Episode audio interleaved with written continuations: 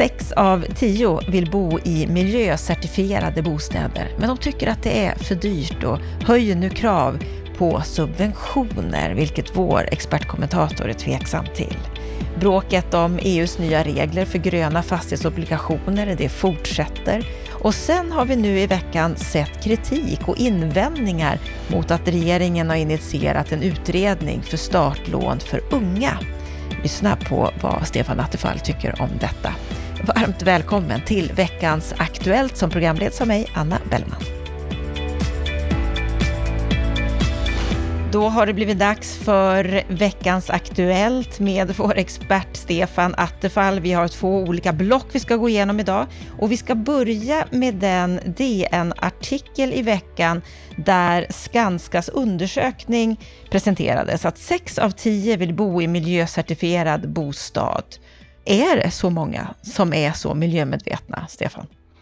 Ja, det är snarare kanske konstigt att inte 100 procent vill bo i miljöcertifierad bostad. Men Varför vill inte fler göra det? Ja, och det är ju att man säger att det kostar ju mer och det är ju sant. Och det är också vad den här artikeln handlar om, att det, det är dyrare många gånger att bygga en mer miljöcertifierad bostad. Eh, eh, Skanska bygger svanenmärkta bostäder, vilket ju också andra bolag gör.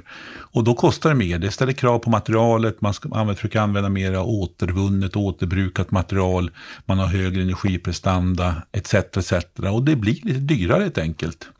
Och, Men vill de här som, sex av tio ändå prioritera den dyrare kostnaden för att det är mer miljövänligt? Ja, och det är väl det som är problemet, att man vill inte alltid betala mera. Så viktigt är det inte tycker man. Man får inte ut så mycket mer av detta. Och det är därför Skanska ibland pekar på att man vill ha någon typ av eh, miljöbonus, som exempelvis man har när man köper nya elbilar. Då får man ju en bonus. Och det är ju ett av förslagen som Skanska lanserar här. Det finns ju idag en möjlighet att få det gröna lån och kan få lite lägre ränta, men det räcker inte enligt Skanska.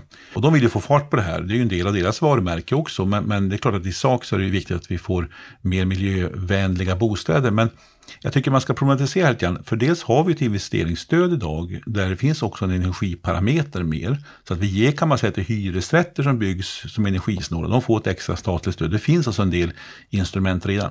Sen ska vi komma ihåg också att eh, de, de eh, den fjärrvärme som värmer upp våra bostäder, den är ju till 99 procent koldioxidfri. Så att vi har ett oerhört ska vi säga, miljövänligt eh, uppvärmningssystem totalt sett i Sverige. Men, eh, och vi har också solcellsbidrag och sådana saker. Så att det finns subventioner redan idag. Och problemet ligger ju lite grann i om du jagar liksom, eh, miljönytta på fel ställen så blir det ganska dyrt i förhållande till de vinster man gör. Så att det är lite grann tycker jag att Skanska ropar efter att bara få odla sitt eget varumärke. Men eh, man måste göra det med förnuft och jag tror nog att det finns ganska många bra instrument. Det viktiga är precis det du var inne på, Anna, att konsumenterna också måste värdera det här i praktiken när man står i ett köpbeslut. Därför att konsumentmakten är ruskigt viktig. Och där tror jag ibland många konsumenter önskar mer miljötänk men de är inte beredda att betala för det riktigt. Man vill att det ska subventioneras på något annat sätt. Ja, och då ska vi veta att subventioner går ju ofta till de som har råd ändå att efterfråga sina nya dyra bostäder, vilket ju knappast är de människor som har de lägsta inkomsterna. Alltså går ju pengar till grupper som är ganska välbeställda. Eh, och det är samma sak med miljöbilar. Det är ju tjänstebilarna som framförallt drar nytta av de här miljöbonusarna. Sen hoppas man ju att det i sin tur ska öka då omsättningen på bilflottan så att man på sikt ska få ner eh, utsläppen. Och det är ju korrekt. Eh, men eh, det, på bostadssidan är det ganska tröga processer, långa processer. Så frågan är också om just en miljöbonus är rätt väg att gå om man vill använda skattebetalarnas pengar på ett effektivt sätt. Jag kan nämna som ett exempel bara, det finns ju många, forskning och utveckling, det är där staten ska lägga stora, en, eh, stora resurser på att, på att utveckla ny teknologi och nya metoder. Eh, jag är själv inblandad i ett projekt här i Jönköping där man ville söka energi, eh, från Energimyndigheten bidrag för att göra ett självförsörjande hus. Alltså verkligen testa teknologin på att få ihop flera olika saker, så att hela huset blir självförsörjande på vatten och avlopp, på, på, vet på energi och allt sånt där. Men eh, då fanns inte forskningspengar tillräckligt mycket, i alla fall än så länge, så man kunde få det här stödet. Men det är ju sånt staten ska syssla med kanske, än att sprida ut allmosorna över stora, relativt välbeställda grupper. När det gäller de här områdena så, så, måste vi ju komma framåt. Vi behöver ju minska klimatutsläppen och så vidare. Och det finns ju en del nya EU-regler på gång. Bland annat så bråkas det om och snackas om den gröna taxonomin. Vad, vad är det för något? Ja, eh, det där är en del av en slags EUs nya gröna deal. Alltså, eh, det händer en massa saker och ett sätt är att försöka klassificera och strukturera och beskriva eh, obligationsmarknaden för gröna lån, gröna obligationer helt enkelt. Och eh, då har det kommit en sån här eh, förordningsförslag om grön taxonomi.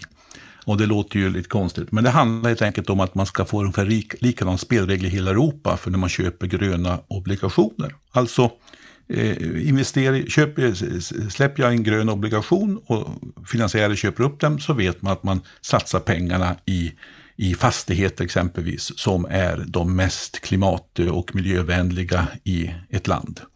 Problemet är nu, det bråket det handlar nu om, är som bland fastighetsägarna och, och eh, bankerna har gått ut och stormat mot, det är att nu har det nya förslaget som kommer fram nu, som är det konkreta förslaget, har man kastat om egentligen eh, innehållet. Förut så sa man så här att de 15 procent bästa fastigheterna i varje land skulle omfattas av det här. Nu har man ändrat till att nu ska det vara 50 procent lägre värden än vad nationella regler innebär. Och då har man plötsligt sagt att Sverige som har exempelvis de tuffaste energikraven i Europa, de ska sänka dem med 50 procent. Men de länder som inte alls har några tuffa energikrav, ja, de ska också sänka med 50 procent. Och de har ju många lätt hängande frukter. Effekten kan bli alltså att du köper, en, du, du köper kanske som finansiär en grön obligation och får italienska och östeuropeiska ska säga, fastigheter med dåliga energivärden i, i, som finansieras den vägen, medan du inte kommer åt de svenska fastigheterna. Och nu stormar alltså Fastighetsägarföreningen och fa massa fastighetsägare och eh, bankerna i Sverige mot det här förslaget och kräver nu också att Bolund ska agera för att eh, det här inte ska bli verklighet, utan man går tillbaka till de regler som, som var ifrån utredningsförslaget. Eh, men det är så att olika länder gynnas beroende på hur olika reglerna blir och så är det en dragkamp här. Men syftet är ju att få en mer transparent och en, en, en välfungerande grön obligationsmarknad. Vilket ju i sin tur är bra för, för att styra investeringar till mer klimatvänliga och miljövänliga och energieffektiva eh, bostäder. Så tanken är god men regelverket måste utformas så att det blir miljönytta. Och där gömmer sig ofta de här lite detaljerna som kan vara besvärliga i alla sådana här frågor. Viljan finns, men det är en bit kvar, låter det som. Den andra delen som vi ska ta upp här i veckans Aktuellt, det var en nyhet som vi tog upp redan förra veckan, eh, då Lennart Weiss blev väldigt glad, nämligen att det nu ska utredas om startlån, att regeringen har initierat en sån utredning. Men under den här veckan nu så har det kommit en del kritik om det här. Vi har sett en del invändningar i media. Stefan, eh, vad är det för invändningar som, som vi kan se har kommit nu? Ja, nu börjar man oja sig för alla saker som inte ett startlån kan lösa. Eh, jag tycker ibland debatten blir lite märklig, men, men man kan bena upp det i tre olika eh, delar. Det ena kritiken är ju att startlån som skulle hjälpa då förstagångsköpare och ungdomar att köpa sin första bostad, det, det hjälper inte alla på bostadsmarknaden. Nej, det är ju sant. Vem har trott det? Eh, och de marginaliserade grupperna, de som verkligen har svag ekonomi, de kommer inte att hjälpas. Nej, där krävs det andra åtgärder, det är helt riktigt. Men startlån skulle göra att du skulle få många av de som ska säga, har kreditvärdighet, som har stabila inkomster, men som inte kom, kan klara av den här kapital, egenkapitalinsatsen, de skulle lättare kunna komma in. Exempelvis det här ny, eh, paret som flyttar tillsammans och skaffar sin första bostad eller den som har fått jobb på ny ort och, och vill etablera sig och har ekonomi men man har inte kapitalet. Så att, eh, det är den första invändningen, men jag tycker att den är ganska eh, tokig i, i den meningen att eh, man kan inte kräva av alla politiska förslag att de ska lösa alla problem. Det andra eh, är ju att eh, man menar att det krävs andra åtgärder också. Ja, det är självklart. Ibland lyfts det fram det här med att man ska hjälpa ungdomar att bygga upp ett eget kapital, ett så kallat skattesubventionerat bosparande. Ja, men det är självklart. Vi behöver fler åtgärder. Likaså måste vi få fram fler bostäder, få en bättre och smidigare planprocesser som både kommunen och staten har ett ansvar i. Det är helt rätt, men vi kan ju inte stoppa ett förslag för att inte det händer någonting på andra områden. Det finns inga förslag som löser alla problem men som en del i ett sammanhang. Och jag välkomnar verkligen alla andra förslag som lyfts fram som också nödvändiga. Men det sista argumentet är att det här skulle driva upp priserna. Ja, på marginalen så klart att om fler får tillgång så kommer det, om inte utbudet ökar, så kan det påverka priserna, kanske speciellt på små lägenheter.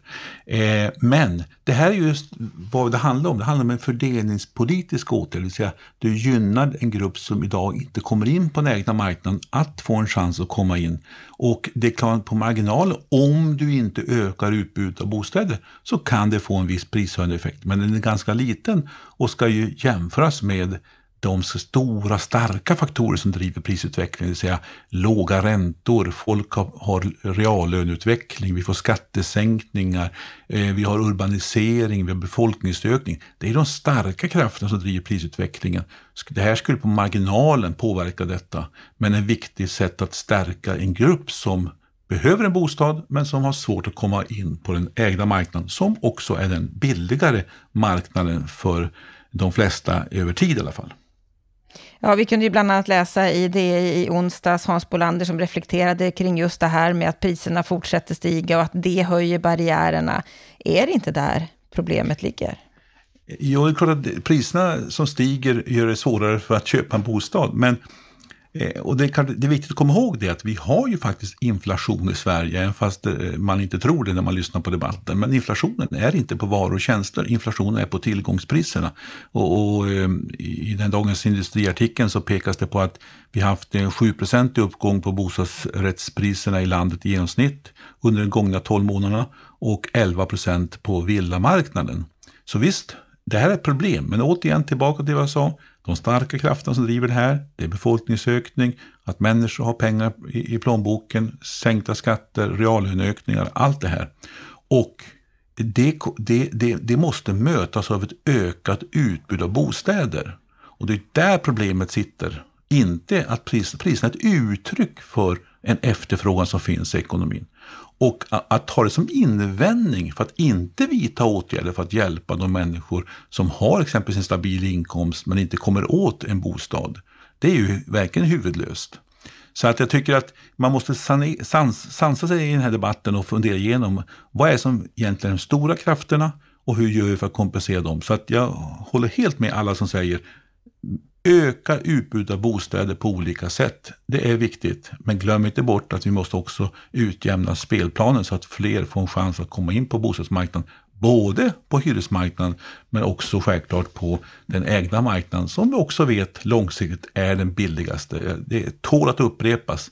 Men alla studier visar detta. Den ägda marknaden är långsiktigt alltid den billigare bostaden jämfört med exempelvis de dyra eh, nya hyresrätter som ofta de här grupperna tvingas i så fall söka sig till.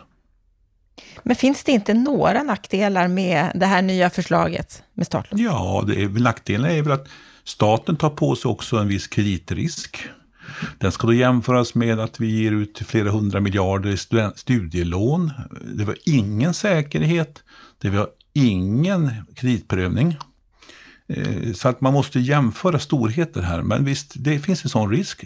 På, på marginalen kan det påverka priserna uppåt på särskilt små lägenheter om man ska jämföra en sån här reform. Eh, det finns sådana nackdelar, det finns en del administrativa frågor man måste lösa ut. Så att visst finns det sådana saker. Det finns inga system som är perfekta. Men ett startlån är ett sätt att behålla en viss allmän kreditrestriktion eller eget, krav på eget kapital, men hjälpa grupper att komma in på marknaden som annars inte skulle komma in och skulle tvingas kanske till dyra andrahandsboenden eller till eh, dyra nya hyresrätter som gör att de aldrig kan spara till en egen insats. Så eh, du är positiv till att det här sker nu? Ja, ja. Min, min stora kritik är att det inte skett tidigare. Därför att nu kommer förslaget fram höst, november 21. Sen vet vi att det är en, snart en, eh, riksdagen stänger sen för, för att kunna ta emot eh, nya propositioner. Och sen så kommer vi fram till en valdag och då och får vi vänta till ett år senare innan vi får fram en reform, är jag rädd för. Så du tror att det här kan dröja väldigt länge innan vi ser några effekter? Ja, jag är rädd för det, att det blir eh, först 24 i värsta fall.